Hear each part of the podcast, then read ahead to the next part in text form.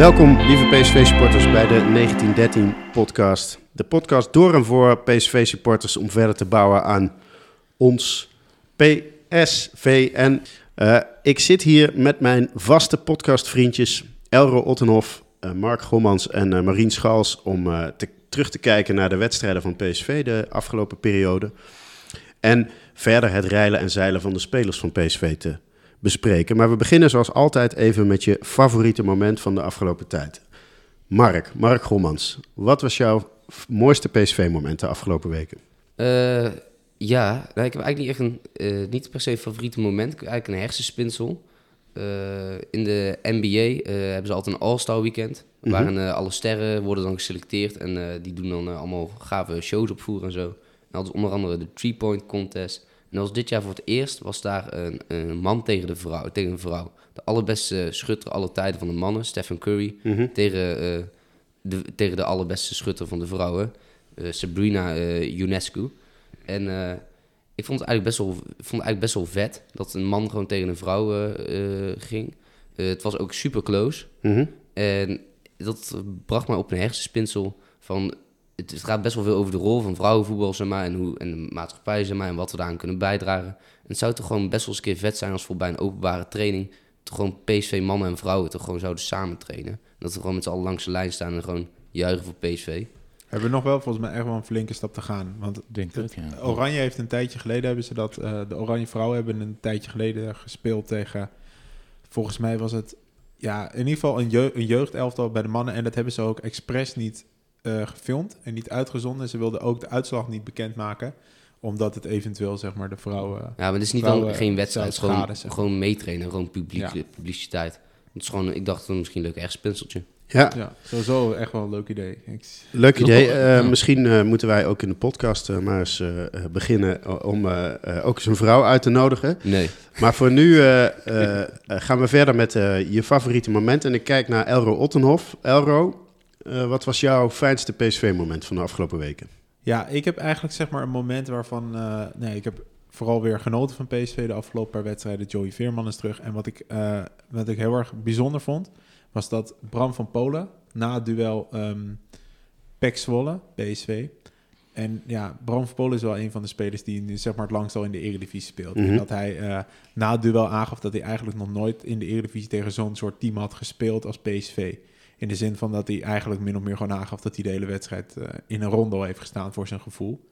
Ja, en dat is volgens mij wel een enorm groot compliment dat je kan krijgen als zelfs de tegenstander zo daar nog moedeloos zijn dat ze het echt niet meer weten. Ja, en, en ja, ik heb wat dat betreft, uh, vond ik dat een heel mooi iets. En volgens mij is dat misschien wel het grootste compliment dat je kan krijgen. Ja, mooi moment, uh, Elro. Marien, wat was jouw Marien Schals, de Guus Stil van de 1913-podcast. Uh, Marien, wat was jouw moment? Ja, ik had dus niet zo'n mooi moment. Uh, we zitten in dit seizoen en uh, Elro zegt al maximaal genieten. De mooiste hoogtepunten, zeg maar. En we zitten in de fase waarin we echt de meest fantastische tijd van het seizoen ingaan. Waarin alles beslist wordt. Nou, dat blijkt zeg maar ook uit de, de knock-out fase van de Champions League. En ik was tijdens zat daar keurig in mijn rode overal. Zat ik daar naast Elro op de tribune. En voor die wedstrijd kwam uh, de Skybox in beeld waarin Noah Lang zijn plek opzocht. En die, die keek daar in dat stadion. En toen bedacht ik me op dat moment van er is er in dit fantastische seizoen eentje op dit moment aan het leiden. En dat is hij wel. Uh, waar je in uh, vorige seizoen of vorige blessures echt wel zag dat hij uh, nog heel aandrukkelijk, nadrukkelijk aanwezig was op de socials bij hemzelf, maar ook gewoon in de mixed zones en op de, op de, de Insta, Instagram-account van, mm -hmm. van de club zelf. zie je hem nu helemaal niet. En ik dacht van ja, voor, voor zo'n grote voetballer met de, zijn, met de verwachtingen die hij had van dit seizoen, is dit echt gewoon een ramp, zeg maar wel. En ja. toen heb ik even met hem meegeleden. Ja, en uiteindelijk gaat dit, hoe vervelend het ook is, dit gaat gewoon niet herinnerd worden als het seizoen van Noah Lang. En nee. ja, de, volgens mij doet dat ook vooral Noah Lang heel veel pijn. Ja. Ja. Ik heb een stukje van zijn docu. Ik weet niet of jullie uh, Prime hebben, maar er staat tegenwoordig nee. een documentaire online over Noah Lang. Volgens mij vier of vijf afleveringen. Ik heb nu de, ik heb me door de eerste heen geworsteld. um, ja, dat is ook wat dat betreft een hele challenge om dat helemaal uit te zetten. um, zijn vier, vier afleveringen toch? Ja, ja, ik heb er sowieso een beetje moeite mee dat, dat iemand van, ja, waarom krijgt zo iemand een documentaire? Ik vind dit wat dat betreft niet zo dusdanig interessant. Maar wat dat betreft gaat het gewoon niet het seizoen van Noah Lang worden. En, dat, Nee. en dat, volgens mij is dat besef nu bij hem ingedaald. Een bitter randje aan een, eh, aan een zoet seizoen. Ja, ik denk het wel. Eh, maar eh, laten we maar zeggen dat er dan eh, volgend seizoen het seizoen wordt eh, waarin we ons eh, gaan herinneren dat dit was het seizoen van Noah Lang. Eh, mijn moment eh, was, ik ben Michiel Verkoelen, eh, de Walter Benitez, de nummer 1 van de PSV De eh, van de Armando 1913 Obispo, van de, de Jordan 1913 These, po- de. Olivier Kachti van de PSV-podcast. Eh, ik wou dat ik het overwicht had van Jerry Schouten hier in deze podcast. maar dat lukt me nog niet, van Luc de Jong. CEO buiten de podcast is wat anders dan CEO binnen de podcast. Mijn, mijn moment eh, is eigenlijk niet een voetbalmoment zoals die prachtige goal van Johan Bakayoko of het doorzetten van eh Peppi om toch nog even die zevende te maken. Maar het spandoek eh, voor de wedstrijd tegen Dortmund, wat eens oude glorie aan roem heeft gebracht, vond ik schitterend. Sowieso de hele tribune op dat moment ja, in rood-wit. En de link met het filmpje wat eerder die dag uitkwam. Eh, ja, de, de geschiedenis van PSV werd echt nadrukkelijk doorgetrokken. En dat resulteerde ook in een prachtige foto die PSV op haar eh socials Ja, jij hebt het natuurlijk allemaal actief meegemaakt. Ook 88. Zeker, zeker. Ja, ja, heb ik dat actief filmpje meegemaakt. hadden ze ook met jou kunnen opnemen. Ja, ik, ik was toen ongeveer zo oud zoals eh, Mark nu is. Maar al wel verantwoordelijker. We gaan even terugkijken naar de wedstrijd tegen Dortmund. En Nee, ik vind het, het, is altijd, het is altijd een kunst, Michiel, hoe jij een sneer weet uit te delen. Dat is echt... Dat doe eh, ik met heel veel liefde. Hè? Ja, ja, ja, Het is een man met een koud hart. ja, schijnbaar. We gaan het even hebben over eh, de wedstrijd tegen Dortmund. Eigenlijk de wedstrijden van de afgelopen eh, week, maar vooral Dortmund natuurlijk. En ik kijk even naar eh, eh, ons eh, jonge talent, Mark Gommans. Mark, heeft PSV zichzelf tekort gedaan in die wedstrijd? Nou, ik denk ja, ja en nee. Ik denk op basis van het spelbeeld niet. Ik denk dat het best wel evenwichtig was. En ik denk dat een gelijkspel het, de wedstrijd ja, goed aftekent. Maar gewoon qua perspectief, zeg maar, als je wil overleven, als je, wil ja, als je door wil bekeren zeg maar, in deze knock-out fase in de tweede dan denk ik dat je ook, ook tegen zo'n tegenstander, dat je dat eerste duel, zeker thuis, moet je een goed resultaat behalen. En omdat het eerste duel dus nu thuis is, en je tweede duel naar een kolkend eh Westfalen stadion gaat, denk ik, ja, je had hier gewoon echt moeten winnen om een goede uitgangspositie te, eh, neer te zetten. Desalniettemin ben ik wel heel trots, maar Maar dit is dan denk, net jammer. ik denk dat het, ja, het is nou net kantje boord eigenlijk, denk ik. Deel je dat gevoel, Elro? Of, of ben je positiever? Ehm, nou ja, kijk, uiteindelijk als je natuurlijk gewoon wat had gewild, had je volgens mij gewoon moeten winnen. Ehm, Had het gekund? Zat het erin? Ja, ik, ja je, je moet echt zorgvuldiger met die kans omgaan. En dat is allemaal heel erg cliché. Maar uiteindelijk denk ik dat je nog best wel gelukkig bent met, eh, met die penalty ehm, die je krijgt. Eh, ik las dat iemand zei dat dit geen cadeau is, maar een gevonden voorwerp. Ehm, en die vond ik best gevat. De Duitse journalisten vonden het gewoon een penalty. En vonden PSV heel ja, erg dat goed. klopt. Dat is, dat is Ja. opvallend. Ja, dus wat, maar wat dat betreft, ehm, ja, ik denk dat PSV niet zonder die penalty had gescoord. En dat heb ik me wel een beetje afgevraagd. Stel dat ze hem niet hadden gekregen, hadden we dan, hadden we dan nog een gel- gelijkmaker gemaakt. Ja, ik had niet het idee dat dat er echt in zat. En Wat was jouw gevoel eh, na de wedstrijd, Marie? Ja, ik, ik vond dus dat PSV eh, gaandeweg die wedstrijd gewoon naar eh, vermogen presteerde. De laatste lijn echt enorm goed, zeg maar, het middendeel. Ehm, eh, maar, maar voorin zat het er niet in. Het was of de vorm van de dag was er niet, of eh, het, het was in, de, in het totale set aan, aan, eh, aan, aan, aan ingrediënten die je nodig hebt om die wedstrijd echt te winnen, dat was er niet. En toen dacht ik van, ja, weet je, volgens mij 1-1, dit is het ook voor nu.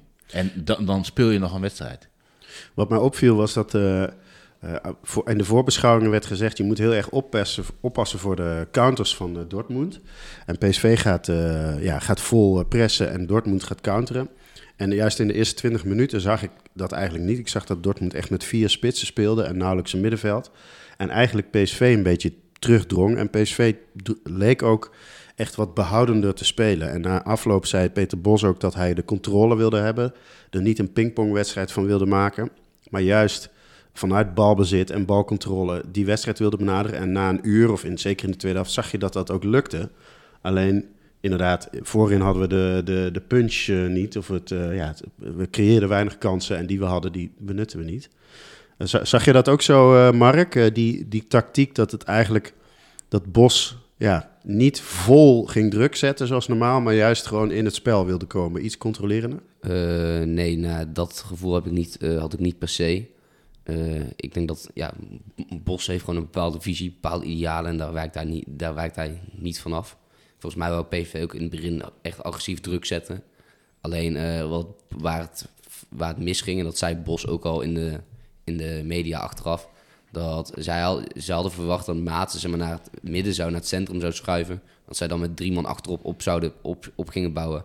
En dan konden ze met Luc, uh, Lozano en Bakayoko, die konden dan met z'n drieën druk zetten op die linie. Eigenlijk een beetje hetzelfde als, als wat ze bijvoorbeeld uh, tegen, uh, tegen Lans deden.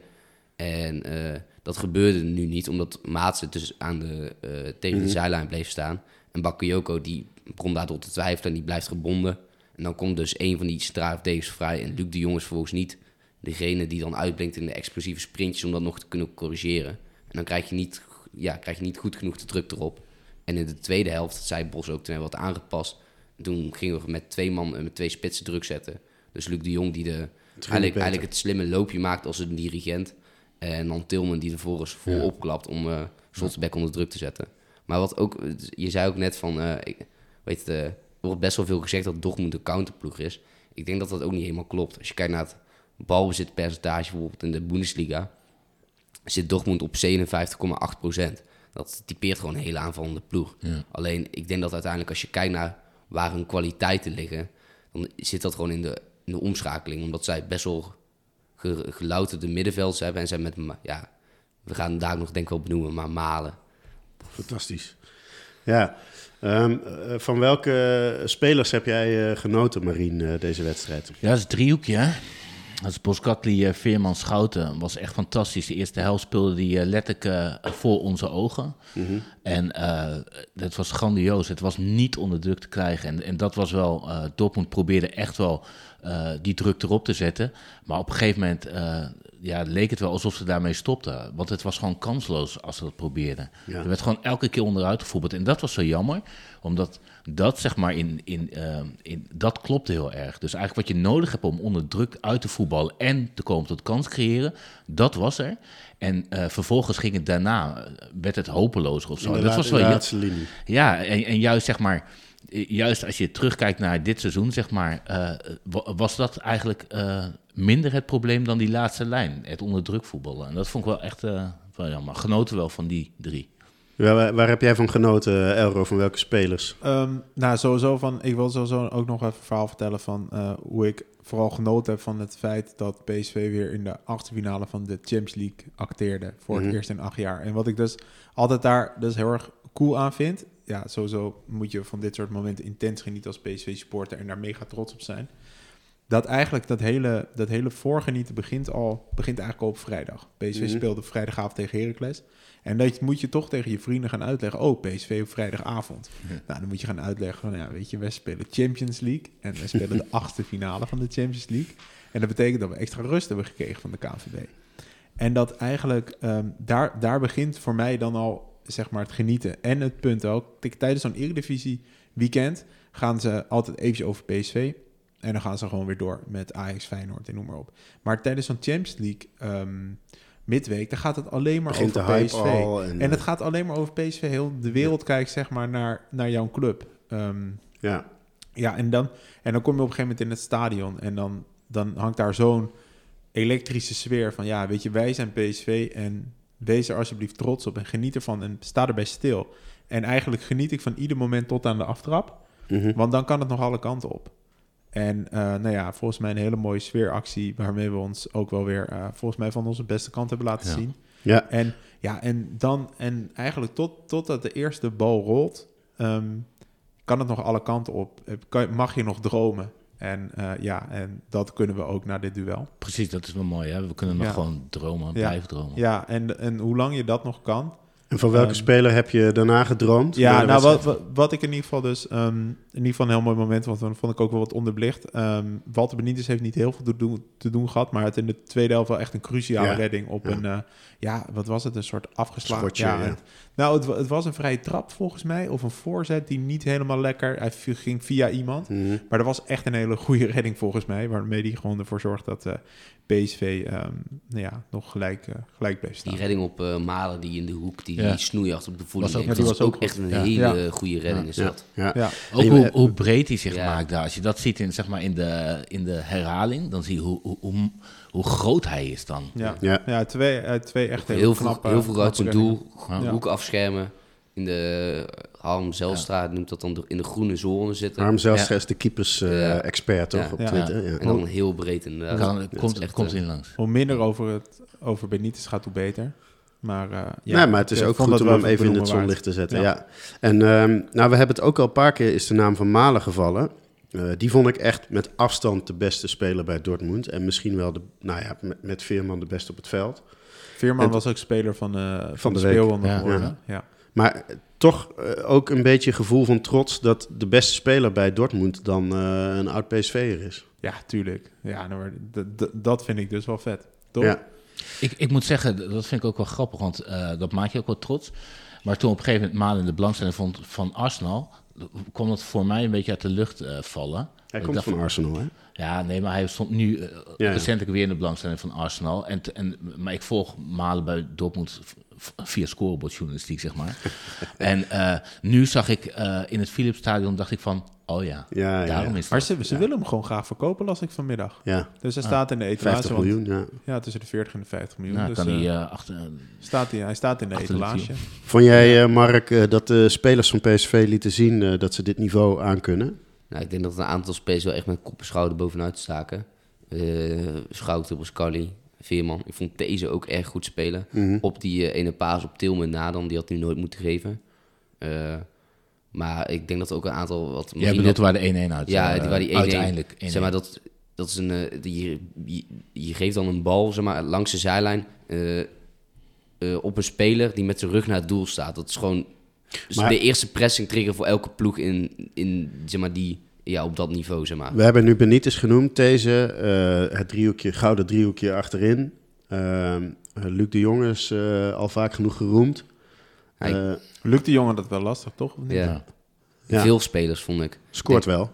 Maar wat denken jullie, zeg maar, die return? Want die Sule is er dan, is die Sule er weer bij? En die keeper die viel natuurlijk Sule, voor. Sule was, eh, die was ziek, Ja, maar die... eh ik ben zijn naam even kwijt. Die, die, de enige voetballer achterin. Hummels, Hummels, die de penalty voor, eh veroorzaakte. Wie wie heeft nou die schorsing? eh Slotterbeck. Ja, die.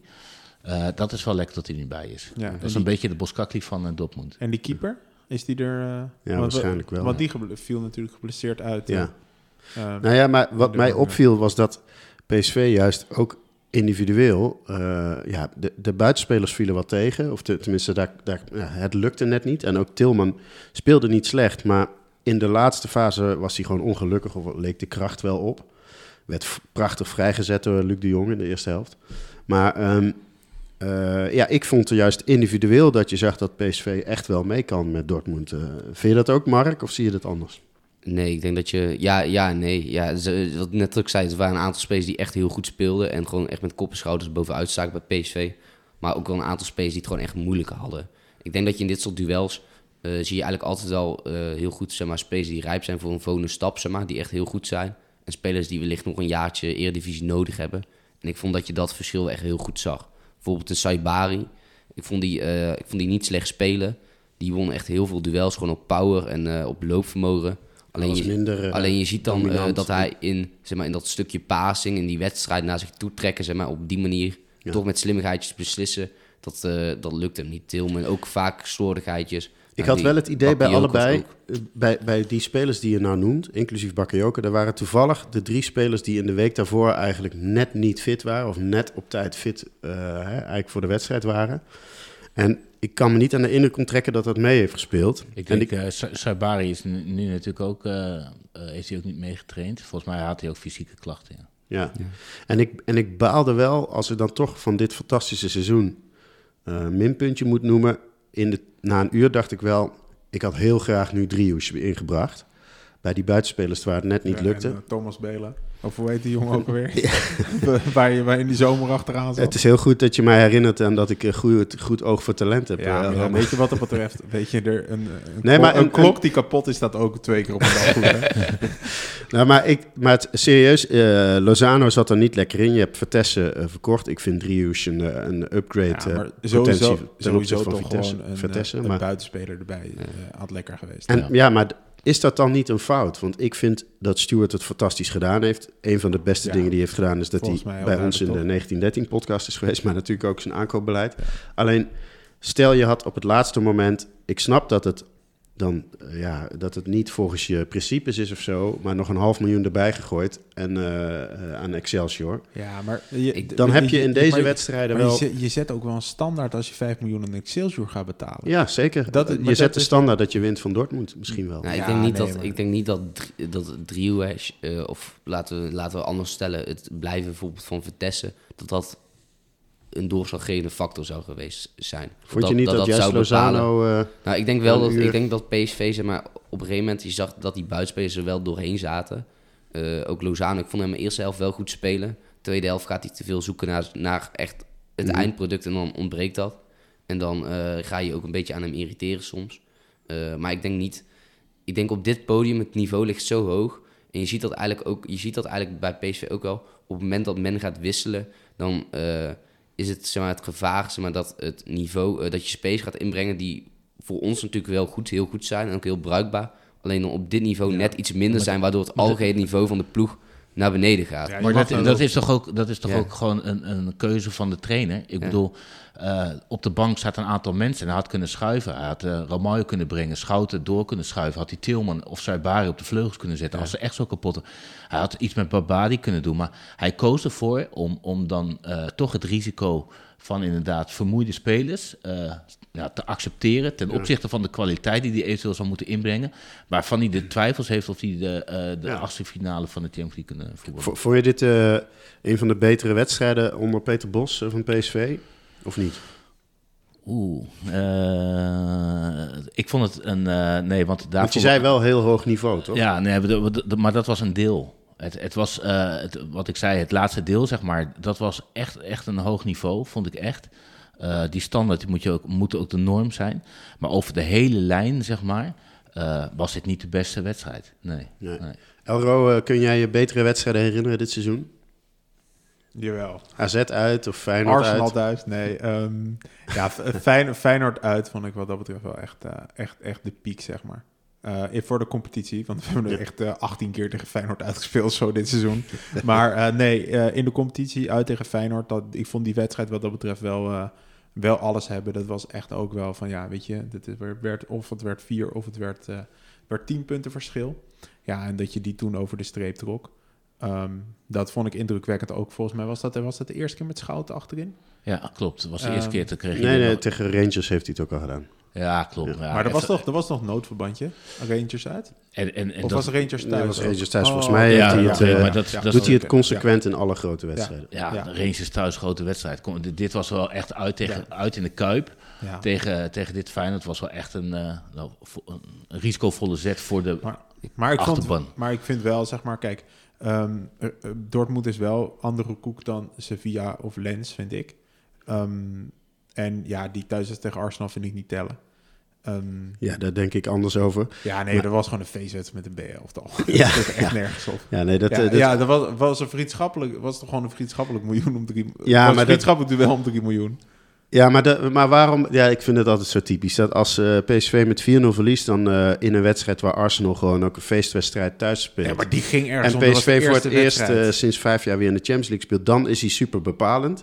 En als eh, Nee, maar Michiel, als Arsenal jij, als jij, met, als jij, eh, als jij met eerste- drie basisspelers eh, op de bank zet en PSV ook, en PSV is gewoon beter, dan telt het niet. Ja, nee, maar Michiel, als je de eerste wedstrijd thuis tegen Herenveen speelt en je speelt nog overal voor, of je speelt wedstrijd 34 en je bent kampioen en je speelt thuis tegen Herenveen, ja, dat is het toch gewoon. Jawel, maar het gaat er ook om dat Arsenal heeft er geen belang bij om die laatste wedstrijd... Ik snap, ik snap wel dat daar minder op spel stond, maar heeft er geen belang bij om dan even te verliezen...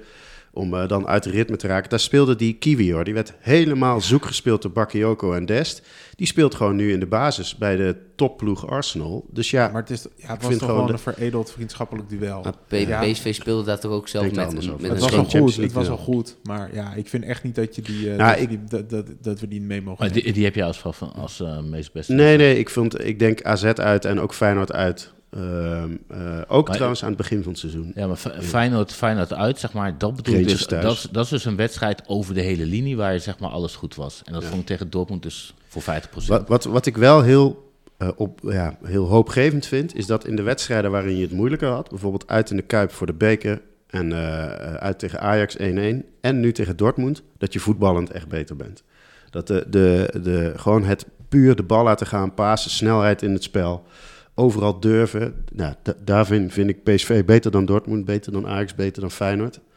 Dus dat, dat beter bracht beter dan wel- City, zelf beter be- dan Barcelona. Nee, dat, dat zeg ik niet. Zeker, zeker, zelfs beter dan Ajax? Op dit moment? Ja, dat is wel een hele hoge standaard die we daar Ik raken. weet, Maar niet, ik weet niet of je AZ Ajax hebt gezien, maar dat was een partijtje walking voetbal, zeg. Dat was Oh. Sjaak Zwart daar met een wandelstok kunnen neerzetten. ja, maar, wat, maar Klaas die was wel echt de patroon, jongens. Hey, ehm, eh, Mark, kijk jij met vertrouwen uit naar de, naar de terugwedstrijd in Dortmund? Gaan we het halen? Eh, ja, ik heb er heel veel zin in. Ik denk niet dat we het gaan halen, maar ik denk wel dat we onze huid duur gaan verkopen en dat we trots mogen zijn aan het einde van de rit. Waarom, waarom niet? Waar, waar ligt het Heb dan je net aan? mediatraining gehad? Wat is dit? Ja, ik heb het hier gewoon voor me ik uitgeschreven. wil het zeggen, rolt een alineaatje uit met clichés. We'll, we'll give it a better try next, eh, next week. Maar Nee. waar- waarom zouden we ja, het niet ik, halen? ik denk, je speelt, eh, denk ik, in een, in- je speelt een uitwedstrijd in een, eh, in een moeilijk, ja, in een imposante sfeer, zeg maar. 80.000 tegen een, eh, mensen, allemaal in het geel. tegen een hele, tegen een hele gelouterde tegenstander. Dat is het gewoon. En ik denk dat, ik denk dat zij op slimmigheidjes uiteindelijk gewoon het verschil gaan maken. 4-0 Ik denk dat PSV... eh, eh, gaat winnen. nee, dat niet. Maar, maar als je kijkt naar Walter Benitez, is eh 32 jaar volgens mij.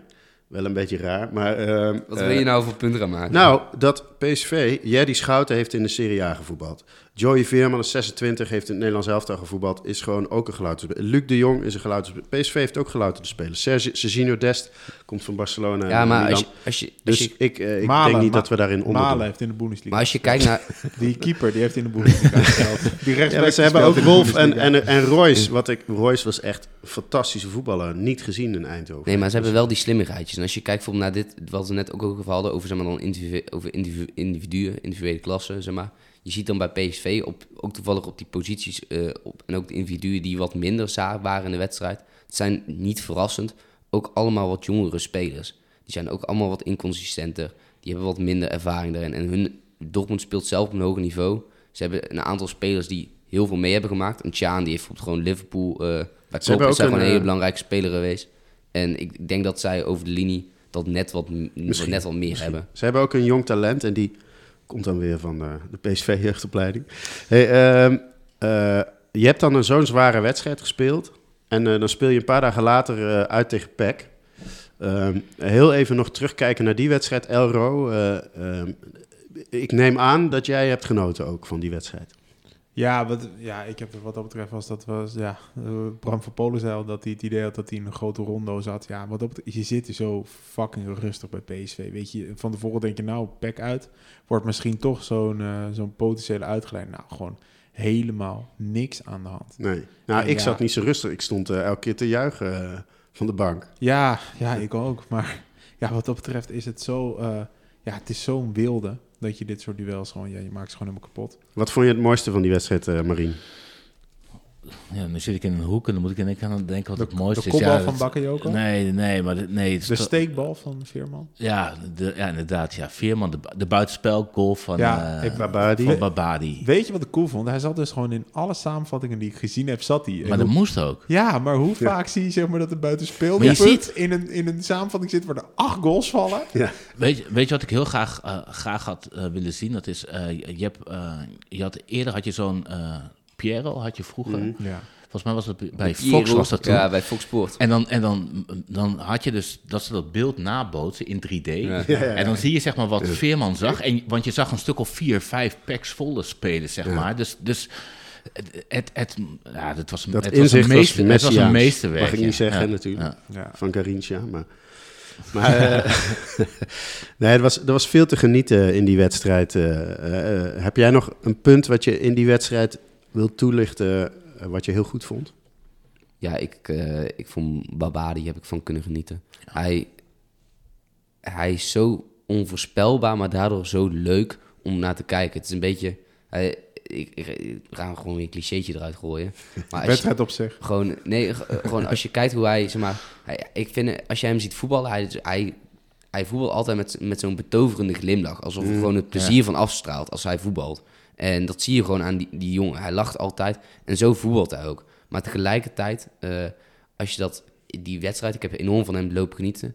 En tegelijkertijd, als je ze maar van het perspectief van een trainer zou bekijken, Ja, doe Dan- maar dan, dan- even niet. dan speelt hij als een enorme A-junior. En dan heb je zoiets van, jongen, teken nou bij. Want het is echt, je kan dit, hoe jij nou zo speelt, dat kan je nergens anders doen. Op, op het moment dat we dit opnemen is eh, nog niet helemaal bekend. We gaan ervan uit. Maar, maar goed, dat gaan we al anderhalf zou, jaar. het zou dat echt hij een zegen bijgetekend zijn. Sowieso Ja. eind, gewoon jeugdproducten zijn altijd fijn om te zien, zeg Ja. maar. Ik sluit me helemaal bij... eh Het is bij, eh, vloeiende voetballer echt. Ja, bij Marca, maar tegelijkertijd zie je, als je door de ogen van Bos gaat kijken, zeg maar, dan waren de pasen eh, heel vaak net niet de juiste snelheid. Dat soort dingen. Van, van Fysiek die ook kleine- 90 ja. minuten niet kunnen Maar hij was heel kreeg scherp dat was tegen Bakayoko, hè? Ja, maar dat was trouwens nog wel een leuk moment. Want hij kreeg op een gegeven moment kramp aan het eind Ja. van die wedstrijd. En toen zag je ook allemaal van die mannen zoals Luc de Jong, weet je wel. 79 jaar oud ongeveer. Die zag je allemaal zo'n beetje, zo'n beetje lachend Ja, daar heb je kijken. het over, ja. ja. Ja, ja, van, eh, ja, dat was een intens Je bent sport hier. 18, hè? ja. ja. Nee, maar ik, ik, eh, je ziet inderdaad die jeugdspelers. Ik snap wel wat jij zegt, Mark. Je ziet ook aan Bakayoko dat hij nog heel veel dingen beter moet doen. Maar dat talent wat je bijvoorbeeld bij die kopbal van Bakayoko zag... en die bal die erin ramt, ja, dat is ook... Maar bij, bij Babadi zie ik gewoon echt een... eh, Echt, hij... Zeg maar, ze hebben, zullen allemaal spelvreugde hebben. Maar bij Babadi, daar zie je dat ook... Die, hij weerspiegelt dat ook op de manier hoe hij speelt. En dat is zo, zo mooi. Als, als, hij, als hij aan de bal komt...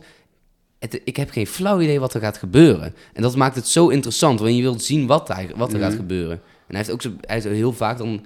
Hij speelt hij is heel, hij is zo behendig. Speelt hij zijn mannetje uit met zo'n onvoors, met zo'n onvoorspelbare actie. En dan denk je van wow. Gewoon op een kleine mooie- ruimte. En dan, die dan- mooie kap ja. in, de, in de 16. En ook gewoon dat er zo'n balletje even zo over iemand heen wippen, zeg maar. Zo, en, dan, en dan daarna denk je zoiets van, ja gast, je had hem eigenlijk had je hem gewoon eh, moeten afspelen en gewoon volwassen moeten oplossen. Maar dan denk je soms ook van, ja, weet je, het is toch ook weer... Schitterend dat hij dat niet doet. Ja.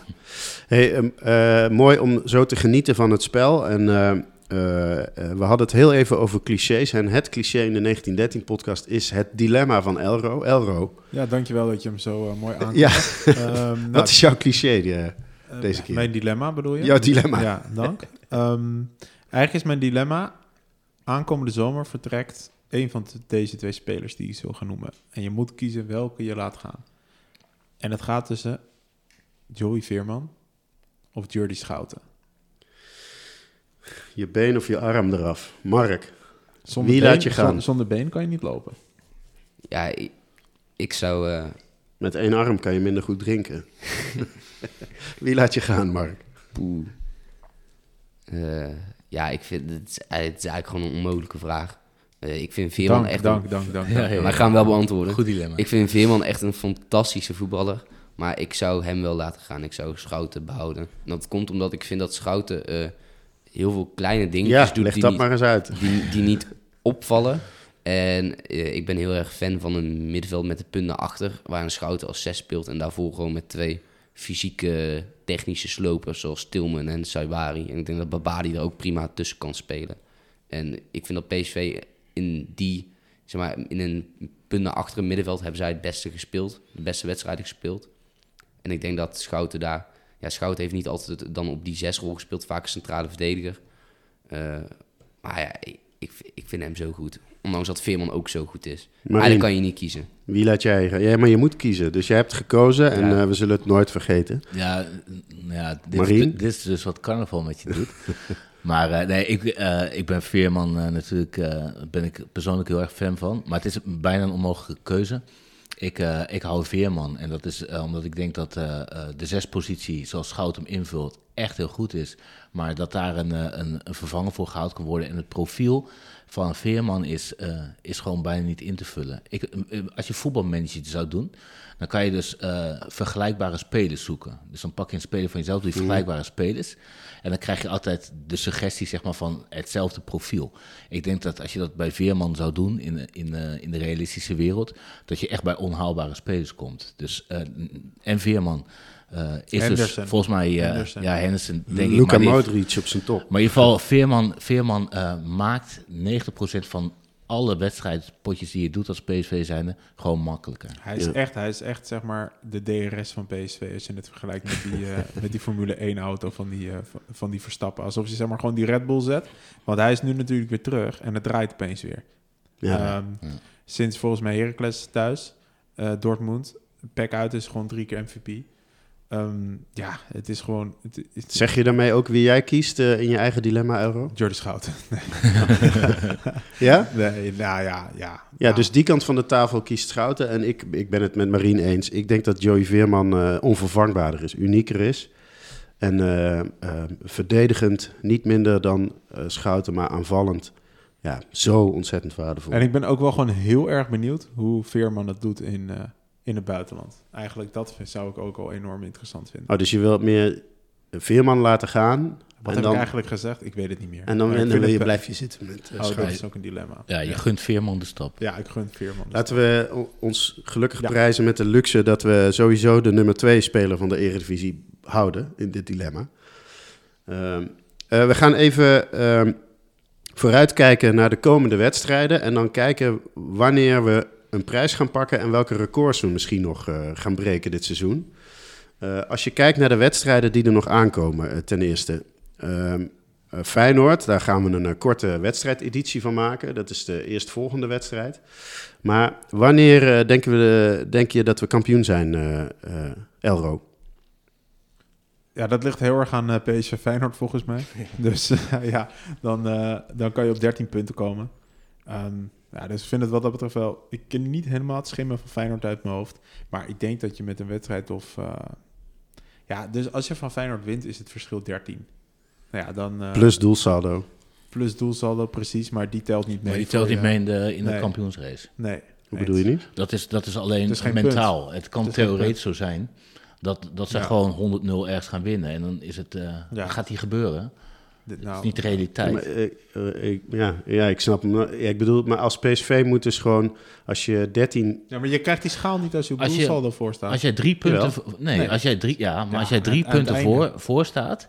in de ene laatste wedstrijd met een doelsaldo van plus 100... Ja, en, ehm, eh, en je wint die wedstrijd... Ja, dan kan het dus theoretisch zijn dat, eh, dat je verliest daarna... en, en Feyenoord wint met 102. Ja, maar oké, maar ik bedoel het anders. Dat Feyenoord moet dus, als je 13 punten voor staat, moet PSV vier keer vaker verliezen in de laatste Ja, negen Dat klopt, wedstrijden. ja, dat klopt. Plus nog een keer eigenlijk. Nou, Ja. we, we gaan er een keer een wiskundige bij halen. Maar ik, eh, ik denk een wedstrijd van Onder de vier van achterban tevoren. schijnt wel een wiskundeleraar te zijn... die Ja. regelmatig En gaat die, en die luistert ook altijd nog. Maar een eens, wedstrijd dus, of eh, vier van tevoren, dat ja. is dan eh, speelronde eh 30. en dan spelen wij thuis tegen Vitesse op zaterdag 13 april. Ja, heet potje.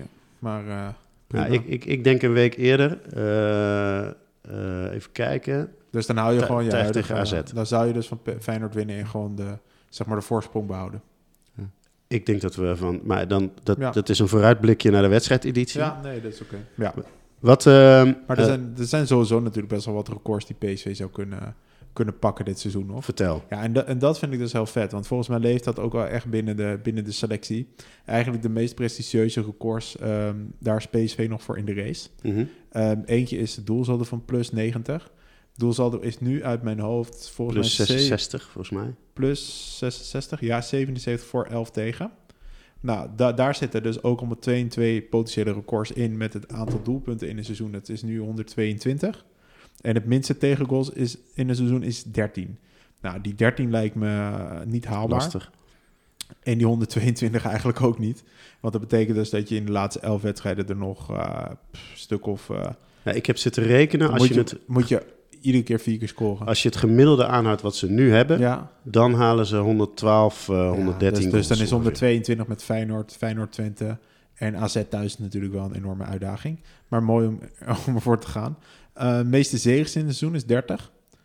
Um, dat kan nog wel. Ja, precies. Dus dan zou je er van de laatste 11... 9 van de laatste 11 winnen. Uh, ja, 10 als je, want je wilt het record winnen. Pakken natuurlijk. Ja. En, uh, en het meeste punten is 93. Dat is drie keer gelijk, één keer verlies.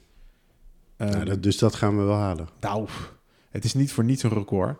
Het is, volgens mij staat dat sinds de jaren 70, omgerekend naar drie punten. Je hebt gezien wat de stand is? 21 ja, keer gewonnen, twee Tuurlijk, jaar. tuurlijk. Maar uiteindelijk ga je natuurlijk punten verspelen, eventueel als je al kampioen bent. En, uh, de, denk je? Ik ja, denk dat dan, dat- uh, ik dat dan Babadi 100%. en uh, ja, maar, Sambo heel erg zich ja, graag maar op een, gegeven moment, op een gegeven moment gaat dit ook een ding bij de tegenstanders worden.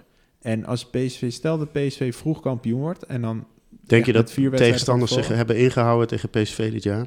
Ik denk nou, dat maar ze- wel, wel als dit soort dingen gaan spelen. Nee, maar wat wel interessant is, eh, dat hebben we volgens mij ook in die eh, in, in een van de vorige podcasts hebben we daarover gehad. Dat was toen dat interview met eh, eh, Peter Bos en Arne Slot, de Maarten Wijfels. Mhm. En die zeiden beide van, eh, als wij in de data kijken, zeg maar, van, eh, eh, van wedstrijden winnen, dan moeten wij gewoon eigenlijk altijd zes willen dobbelen, willen wij wedstrijden winnen. En in de wedstrijden die wij verliezen, eh, of geen goed resultaat, niet goed spelen, zeg maar, valt terug te zien dat de intensiteit gewoon Lager vele is. malen lager ligt. Ja. En ik denk, op ik denk waar Elro dan een beetje op doelt, is zeg maar, eh, op het moment dat je, zeg maar, na, als je kampioen bent geworden, dan moet je nog steeds Verslapt dat, ja. kunnen opbrengen Ja. om, Ja. om altijd zes Dat te kunnen klopt, klopt. En het, gaat Alleen- een- en het gaat een feestje worden hoor, als PSV kampioen. Want het is alweer een tijdje Echt een geleden. tijdje Je geleden. gaat gewoon En- een beetje carnaval houden, kan ik je vertellen. Ja, en, en, en, en- en geef ze eens ongelijk. Dus eigenlijk moet je vooral heel erg hard hopen dat je dan nog in de Champions League zit.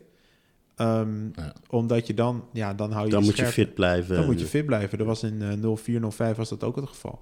Ook relatief vroeg kampioen. Ja, het, is, ik- het klopt allemaal. Ik denk wel dat als je dit team ziet, wat Stuart ook in de podcast bij ons zei, dat ze altijd op superhoge intensiteit willen Ja. beginnen, de eerste paar wedstrijden. En je ziet wat Bos erin heeft gekregen, dan zie Ja. ik dit team niet zo snel verslappen. Dus ik denk Nee, maar toch.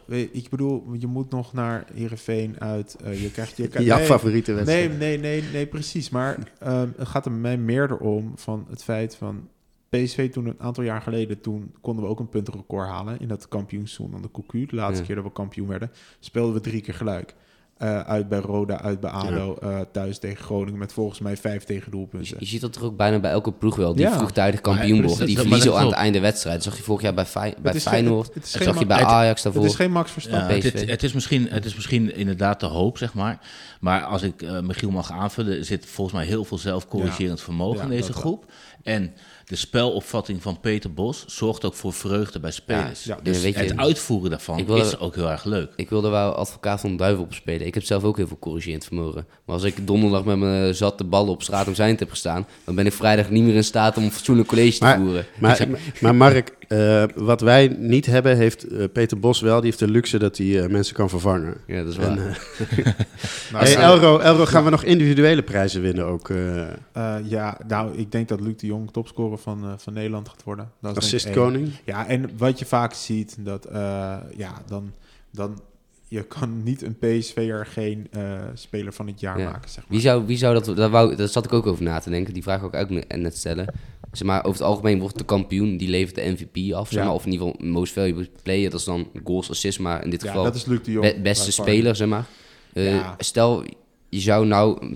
Stel, PSV wordt inderdaad kampioen... en PSV levert de beste speler af van de Eredivisie. Wie zou dat dan zijn? Ja, Ik- wat, Als je één naam nou moet noemen. maar het punt is, zeg maar, eh, hoe, hoe ga je het meten? Dus meet je het aan doelpunt en assist, is Luc de Jong bij far de beste. Die, is- die is volgens mij nu bij 42 goals of zo betrokken geweest. Nou, wa- eh. waarvoor zou jij, waarvoor zou jij kiezen, zeg maar?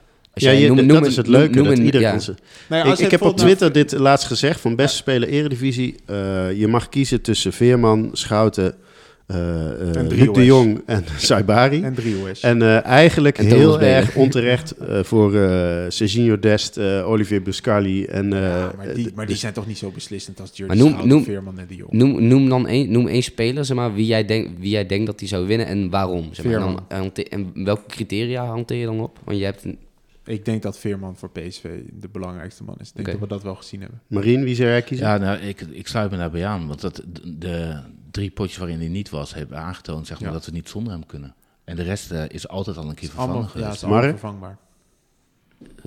ik denk, ik zou, ja, Luc de Jong of Boscali, één van die twee. En Ja. Veerman zou ook kunnen, maar om dan een andere naam. Ik zou Boskali zeg maar wel. Ze Die hebben hebben toevallig is dat laatst, Die hebben we ook niet gemist, dus Dat we is- weten het ook niet. dat is laatst ook, ook genoemd bij VI volgens mij. Maar hij is, hij, hij is eigenlijk, ja, je zou het misschien wel onopvallend willen noemen. Het is gewoon geruisloos, zeg maar. Mhm. Maar het is Er zo is- verschrikkelijk belangrijk. Er is- zo verschrikkelijk goed. Ja, er is, eh, er is eh, nu wel de laatste tijd steeds meer aandacht voor zijn prestaties. Ja. Je ziet Ja. ook bij ESPN, Perez die heeft zijn, eh, zijn focus er nu wat meer op liggen. Eh, in de Circo-studio's daar zijn ze het nog niet allemaal over eens. Er loopt een oud voetballer die daar twijfels over heeft. Marco Maar, van eh, Basten. Ja, ik zag Marco laatst een leuk woordgrapje voorbij komen. Marco van Basten. Hey, ehm, eh, laten we dit eh, eh, blokje afsluiten. Of is er nog een record, eh Elro, wat je wil noemen? Anders noem ik... Ja, nou, wat, wat, wat, wat, ik, wat ik ook echt een hele, hele fijne vind, is dat we ook al volgens mij nu 39 of 40 duels op rij ongeslagen zijn. Ja, In de Eredivisie in dat record staat op 52. Ja. Dus als je dat doortrekt naar het einde van het seizoen, eh, dan eh, kan je die, zou je die eventueel volgend seizoen... eh, dat vind ik een van de mooiste Ja. records. ja, maar En- die, maar die is nog wel echt ver weg natuurlijk. En van de spelers die eh, speler van het jaar kunnen worden, die hier genoemd zijn, dat steun ik allemaal. Alleen ik zou uh, Serginho Dest echt ook willen nomineren. Ja, ik vind het echt een hele goede missing link. Ja, het is, eh, gewoon, dit gewoon, seizoen. het is gewoon een linksback. Mag ik, dan, mag ik dan nog een leuke hot take gooien? Nee, Ik nee, nee, want we gaan naar het volgende Oh, ik ga hem toch gooien. En dan kunnen we daarna door en dan ga, je, mag, ga ik jou irriteren, maar dan mag je niet op reageren. Ik denk dat voor Serginho Dest heel goed zou zijn om nog een jaar PSV te spelen in zijn ontwikkeling. Oh, ik vind ik hem, niet. ik vind hem rijp voor een stap. Ik vind hem niet zo goed als dat jij zegt en ik vind hem zeker niet rijp voor een stap omhoog. Daar denkt hij zelf anders over. Door naar het volgende Hey, onderwerp. we gaan eh, het over spelers in en uit vorm eh, hebben. En dat is eigenlijk hetzelfde onderwerp. Ja, we, gaan, we kunnen wel geruisloos door. Ja, en maar laten we dan even beginnen bij spelers waarvan we het idee hebben de laatste tijd dat die misschien wat minder in vorm zijn. En dan denk ik vooral even aan de buitenspelers, Lozano en Bakayoko. We hadden het net al even over in de wedstrijd tegen eh Borussia Dortmund. Ehm, vind jij ook eh, dat, ze, dat ze minder goed zijn eh, op dit moment, Mark? Nou ja, ik, ik denk dat ze wel minder in vorm zijn. Als in het eindproduct is, is minder. En ik heb het gevoel bij Bakayoko is het, eh, heb ik het gevoel... Hij, ja, hij, hij staat altijd tegen het krijt aan. En dan proberen ze hem te isoleren ten opzichte van de back. En dan dat hij in de 1 versus 1 komt, dat hij zijn actie gaat maken. En hij lijkt de laatste wedstrijden... eh, lijkt, dat gewoon minder te, lijkt dat gewoon minder te zijn. En bij eh, Lozano op links heb ik, ja, ik heb het gevoel dat het een, vertrouwen, ja, eigenlijk een vertrouwenskwestie is. Mhm. Weet niet Maar- hoe jullie daarover Maar, ver- maar is dat vertrouwen in zichzelf? Want vertrouwen van Bos heeft hij genoeg, eh, volgens mij. Je hoort, je hoort namelijk eh, Peter Bos nogal kritisch over Bakayoko zo nu en dan. En dan eh, Lozano, die ontspringt daarin wel de dans. Ja, ik, he- he- heb jij, kunnen we dat onderbouwen of het vertrouwen is? Want ik zie nog steeds wel dat hij acties maakt en voor de goal gaat. Waarom denk je dat het minder vertrouwen is? Nou, ik heb, ik, ik heb wat, eh, ik, ik was benieuwd, dus ik heb, eh, ik heb wat onderzoek gedaan in eh, statistieken. Dat vind ik leuk. In ieder geval, als je gaat kijken... is- Oh, nooit gemerkt. Ben jij van, ben jij van data? Ja, zeker. Ah. Nee, als je zeg maar Lozano zijn beste, hij heeft nu drie seizoenen bij PSV. Als je zijn beste seizoen zou pakken, of in ieder geval een goede streven om, dan zou dat het 18, 19 seizoen zijn onder Van Bommel. Daarom Mhm. was hij echt gruwelijk. En als je gaat kijken in de data, bijvoorbeeld key passes, expected assist, eh, eh, zeg maar eh, hoe vaak hij een pen, de, de vijandelijke 16 in dribbelt, eh, al die dingen eigenlijk. Daarin scoort hij gewoon nagenoeg hetzelfde. Hij heeft veruit meer eh, shot creating actions per 90 minuten, dus hij creëert meer Kansen meer kansen. En hij heeft ook veel meer eh, goal creating actions per 90 minuten. Wat belangrijk bij te benoemen is dat bij die shot creating actions, in het jaar van Van Bommel, nam hij ook alle eh, set pieces, zeg maar. Mhm. Dat doet hij nu niet. Ah, ja. Dus vrijwel alles komt uit open play nu. Dat is best wel imposant. Als je gaat kijken naar hem, goal creating actions per 90 minuten staat hij tweede in de Eredivisie. Shot creating actions per 90 minuten staat hij vierde in de Eredivisie. Eh gewoon schoten totaal per 90 minuten staat hij eerst in de Eredivisie. Eh en ook, ja, Hij, hij heeft de meeste schoten ja, meest, per hij 90 schiet minuten. Per 90 minuten van de Eredivisie. van alle spelers. En eh, als je voor ook wel interessant vind Hou ik, ze dan ook bij welke in de tweede ring komen? Eh, nee. Eh, Maar, dat, maar dat lijkt er dan toch juist Ja. op dat hij wel gewoon zijn acties maakt. en als je, even, dit vind ik, ook, vind ik ook wel interessant. Expected goals plus minus. eh, staat hij eh, per 90 minuten staat hij vierde in de Eredivisie. Dus dan doen ze zeg maar de expected goals die je tegenkrijgt. eh, van, en de expected goals die jij zeg maar voorkomt. als, ze- als speler. ja, als team zeg maar, die doen zij, eh, daar, daar verrekenen zij het verschil tussen. Mhm. En dan kijken zij, zeg maar, in dit geval kijken ze dus hoeveel van die minuten staat een speler op het veld. Dus in hoeveel, ja, hoeveel van die minuten Ja, vindt ja. dat plaats. Nou, dan staat hij vierde in de Eredivisie. Dus kennelijk heeft hij heel veel invloed daarin. Maar als je, ja, ingewikkeld. als je, maar als je, als je terugkijkt in de data, om in ieder geval een, een, conclu- een eindconclusie aan te binden. eh, in bijvoorbeeld de dribbles zijn dribbelpercentages veel minder. Van 65% naar 40% ongeveer. Eh, zijn eh, expected goals, die liggen ongeveer gelijk. Alleen hij schiet er veel minder in. Eh, daar, daarin presteert hij echt onder. En als je kijkt bij schoten op on target, eh, in dat 18-19 seizoen eh, het 40%, nu 32%. Dus Maar is, dat, is het dan, heeft dan ook te maken met de spelopvatting van PSV toen ten opzichte van, eh, van PSV onder Bos? Dus hoog op het veld, kleinere ruimtes, dat soort dingen, zeg maar. Ja, Ja, dat hij meer in de buurt is van de goal, Nou maar, ja, nee, maar misschien maar dat- minder ruimte heeft om... eh, Precies, ja. Te Want ik- het is net een botsauto. Hij zet de turbo aan en, eh, en alles daarna overkomt hem, lijkt het wel. we hadden het al over DRS en nu ja, over botsauto's. Ja, Lozano maakt geen bochtjes. is dat, te lastig in Monaco. ja, dat valt dus ook wel mee. Als je gaat kijken naar bijvoorbeeld eh dispossess, hoe vaak wordt hij van de bal gezet en miscontrols, dus hoe vaak heeft hij een fouti- foutieve aanname, is dat, is dat allemaal significant lager dan in dat 18-19 seizoen. Het lijkt, hij krijgt ook meer passes, hij komt, eigenlijk doet hij alles, hij is statistisch gezien, brengt hij enorm veel voor je ploeg. Hij- alleen het, het, eind, gaan er het, net eind- niet het in. Het eindproduct lijkt- lijkt, te missen. Ja. En wat hij natuurlijk, het is natuurlijk een beetje een atypische speler. Het is een frommelaartje. En ik heb het gevoel dat ze daar heel erg de nadruk op liggen, legt van het lukt niet. Maar in de manier waarop hij frommelt, om het zo maar te noemen, eh, denk ik dat hij wel een bepaalde dynamiek creëert voor je ploeg en daarmee enorm veel gevaar. Ik zit een beetje ondertussen eh, te kijken in eh, wat eh, de wetenschap of eh, wat meer statistici zeggen over of vorm überhaupt bestaat. Ehm, eh, volgens mij is Willem van Aanegem, die afgelopen week 80 werd, ook al erg sceptisch over het begrip vorm. Ehm, Maar dit heb je net gewoon even gegoogeld. maar, maar ook, nou ja, ik heb me daar wel eens, wel eerder in verdiept, maar ik heb het nu weer even teruggevonden dat, dat eh, als je nou, statistisch kijkt, is dat begrip vorm een heel abstract begrip waarvan het de vraag is, ja, of het, eh, het wordt heel vaak gezegd, maar of het echt vast te stellen is. En als ik Mark hoor, dan zie je nog steeds een Lozano die super belangrijk is voor het aanvalspel van PSV en die nog steeds heel veel goede eh, gevaarlijke acties maakt. En dus het lijkt, ja, ze, ze vliegen er wat minder goed in nu. Maar eh, ja, het, ik, ik krijg juist vertrouwen van Ja. jouw praatje. Ze, ze vliegen er toch helemaal niet in? Want eh, qua goals en assists eh, had, die, eh, had dat datawonder eh, de mark van, eh, van VI.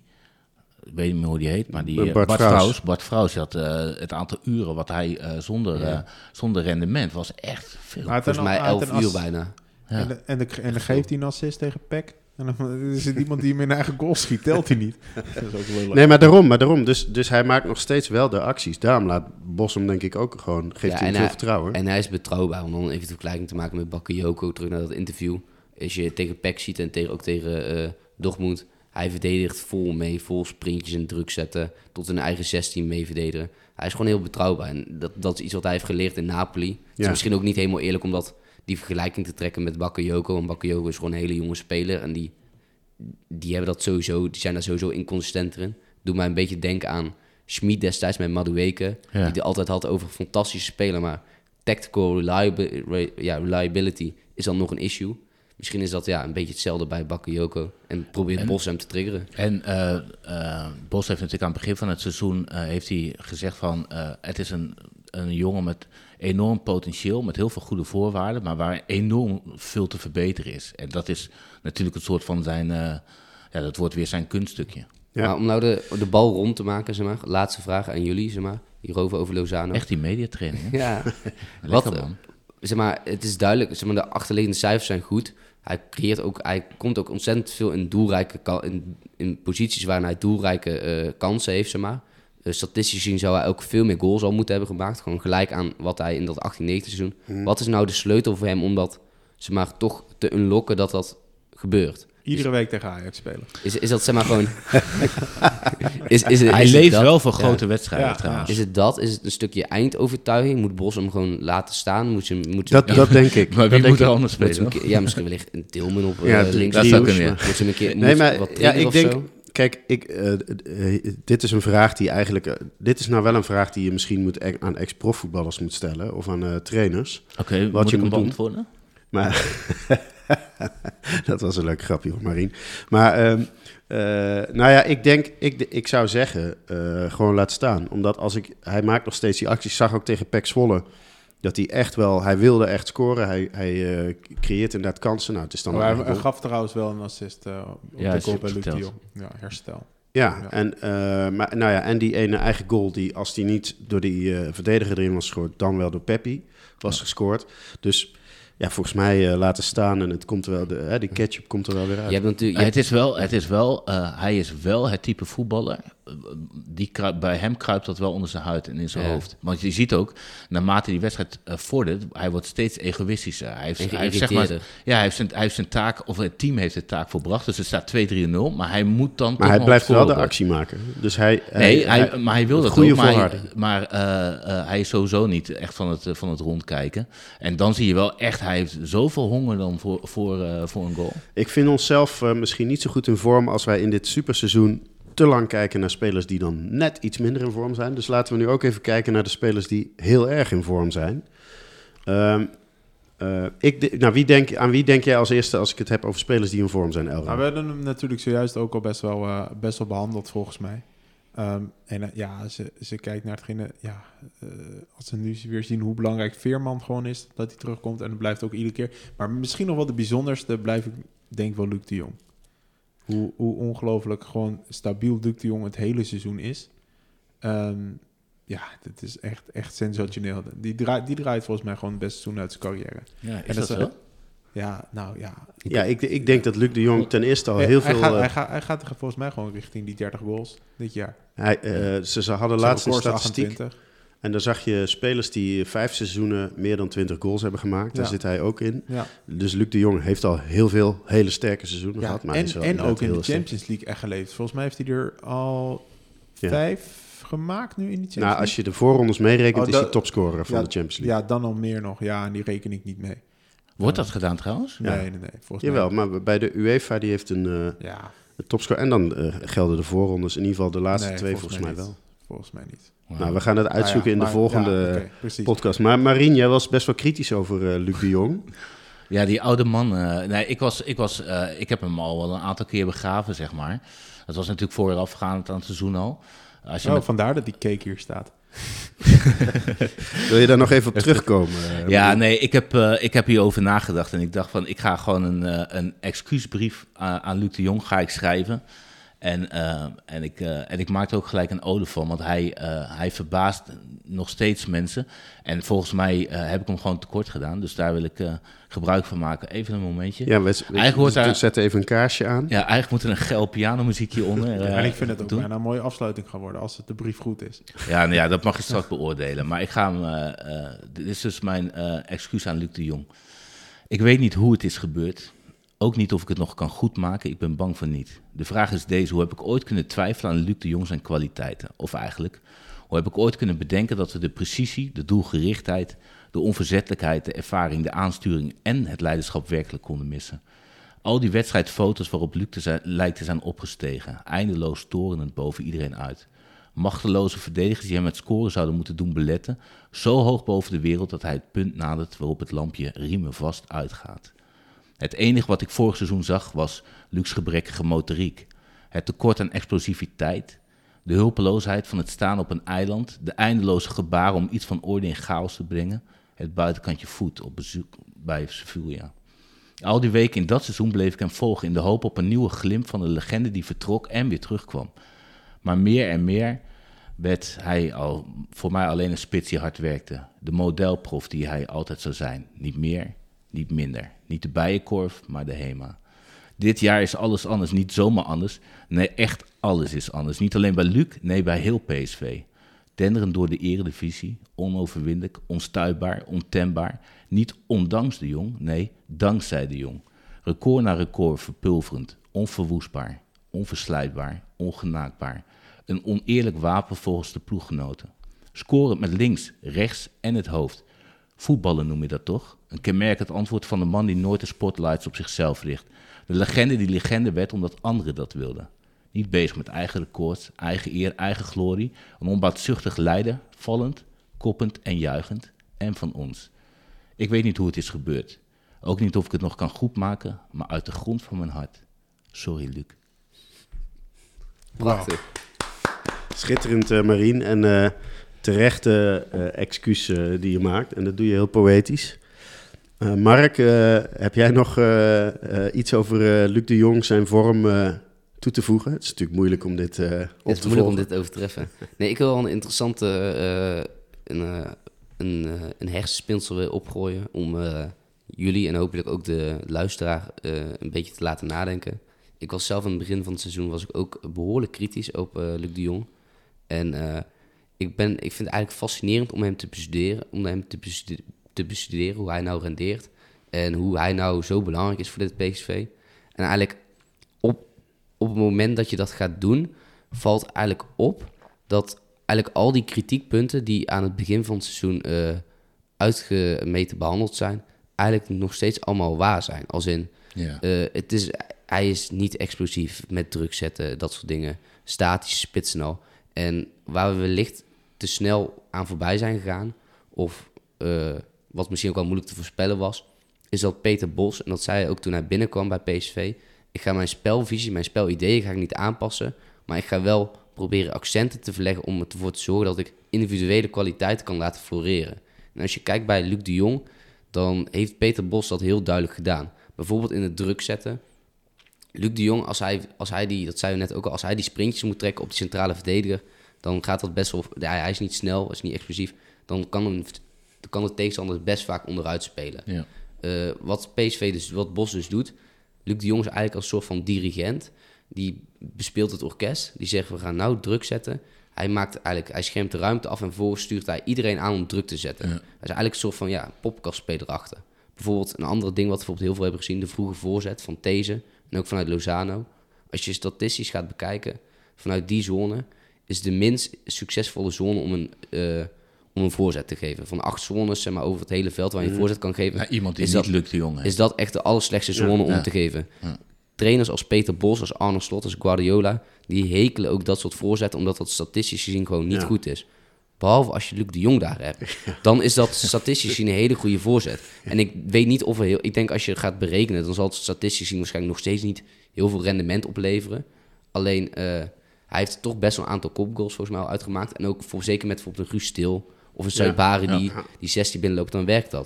Wat je bijvoorbeeld ook ziet, wat we bijvoorbeeld ook zei, Luc de Jong is bijvoorbeeld niet functioneel. eh, hij is bijvoorbeeld niet echt technisch, kan de bal niet goed bijhouden. Niet functioneel. Ja, ja, Mark, ik ga Nee. daar echt, ik gooi je daar uit het raam. Want, nou goed, je Ja, mag hij- nog heel hij- even je hij- zin hij, hij, is, hij, is niet, hij, is niet, hij is niet technisch, maar een bal bijhouden gaat Ja. vaak wel moeilijk. Eh, vrij Jongen, sta- die voetbeweging vrij- waarmee hij vrij- til vrij, vrij statisch. Wat Bos heeft gevonden, hij heeft een manier gevonden om dat te exploiteren. Hij staat altijd vrij statisch, gewoon, op, eh, gewoon tussen de linies, met twee spelers in de halfspaces daaronder. En dan heel vaak zie je die diagonale paas vanuit Schouten, die komt op Luc de Jong. En tegenstanders moeten dan vaak kiezen of ik ga doordekken op Luc of eh, op de, de halftien in de halfspace die doorloopt. En dan twijfelen ze een beetje en dan kan Luc de Jong eigenlijk met één kaats, want zijn functionele techniek is gewoon prima, kan hij die, kan hij die speler voor de, eh, voor de keeper zetten. Je ziet de goal bij eh Sabari tegen Vitesse, goal van Sabari tegen Ajax, die kans van Tilman tegen eh, Dortmund.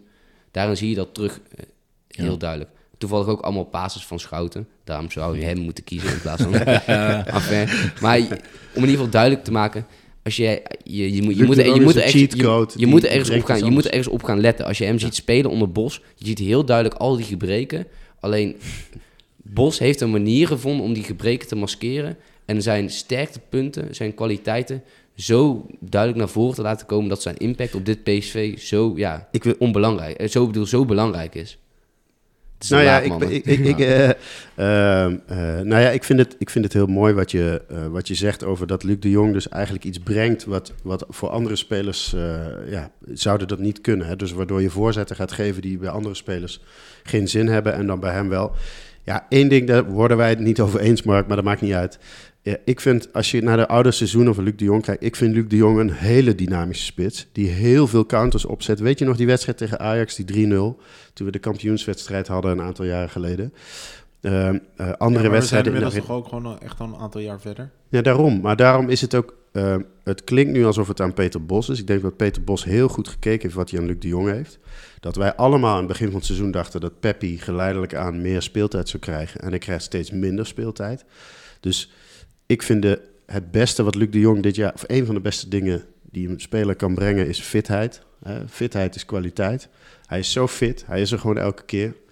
En dat maakt dat hij eh, eh, ja, zo onmisbaar is. Maar ik vind ook dat hij gewoon continu onderschat wordt. Ik, hij, eh, hij geeft heel veel assists, meer assists dan andere spitsen. Nou, daar moet je enigszins dynamisch voor zijn.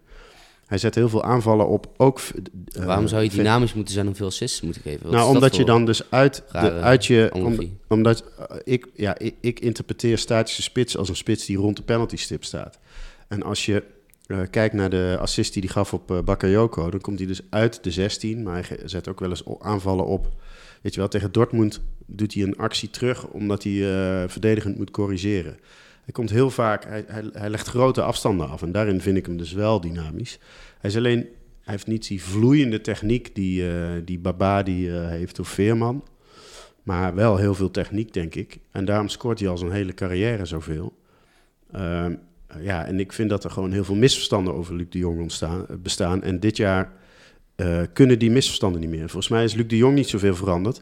Maar is gewoon de, de, de, de Rafal van de Vaartblik van... ja, dit is een houtere speler. Dat kan je gewoon niet meer zeggen. Omdat het gewoon... Ja, het, zo is, het, is een goede, eh, het is een goede voetballer. En hij heeft gewoon atypische kwaliteiten van hoe wij in Nederland voetbal waar. kijken. Dat is waar. En hij, hij heeft ze maar, ja, als je het dan wil, als je het dan zo wil noemen, hij heeft een handleiding. En op het moment dat jij die handleiding goed weet te gebruiken, is hij mm, de meest waardevolle speler voor jouw ploeg. Ja, En- er zijn, maar er zijn best veel coaches al bij PSV en bij eh, Sevilla die die handleiding hebben gevonden. Nou, die handleiding is best moeilijk om te vinden, denk ik. Omdat het een hele specifiek type is en zijn type best wel aan het uitsterven is. Maar Bos heeft het voor elkaar gekregen om die handleiding wel te vinden en dat te kunnen combineren met een moderne speelstijl. En dat Ja. is gewoon heel is- knap. Het is een atypische speler die aan het uitsterven is en door mij al een paar keer begraven is. Ja. Ja, en ik Maar vind, die en ik niet vind tot leven eigenlijk- hebt en Ik gewekt. vind eigenlijk dat we alles naar de ode van Marien eh, al veel te veel gezegd hebben over ja, dat deal. is waar, dat is waar. En eigenlijk ook wil hem afsluiten. was. Ja, heel graag.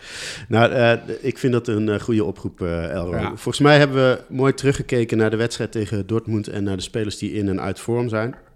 Even naar Zoals de gezegd. records, ook niet te vergeten. We hebben naar de records gekeken die we gaan breken. En het, nou, de grootste prestatie van PSV is dat Elro eh, een supporter is met alle vertrouwen dat we allerlei records gaan breken. Terwijl hij eh, aan het begin van het seizoen gewoon dacht dat we elke wedstrijd nog gingen verliezen.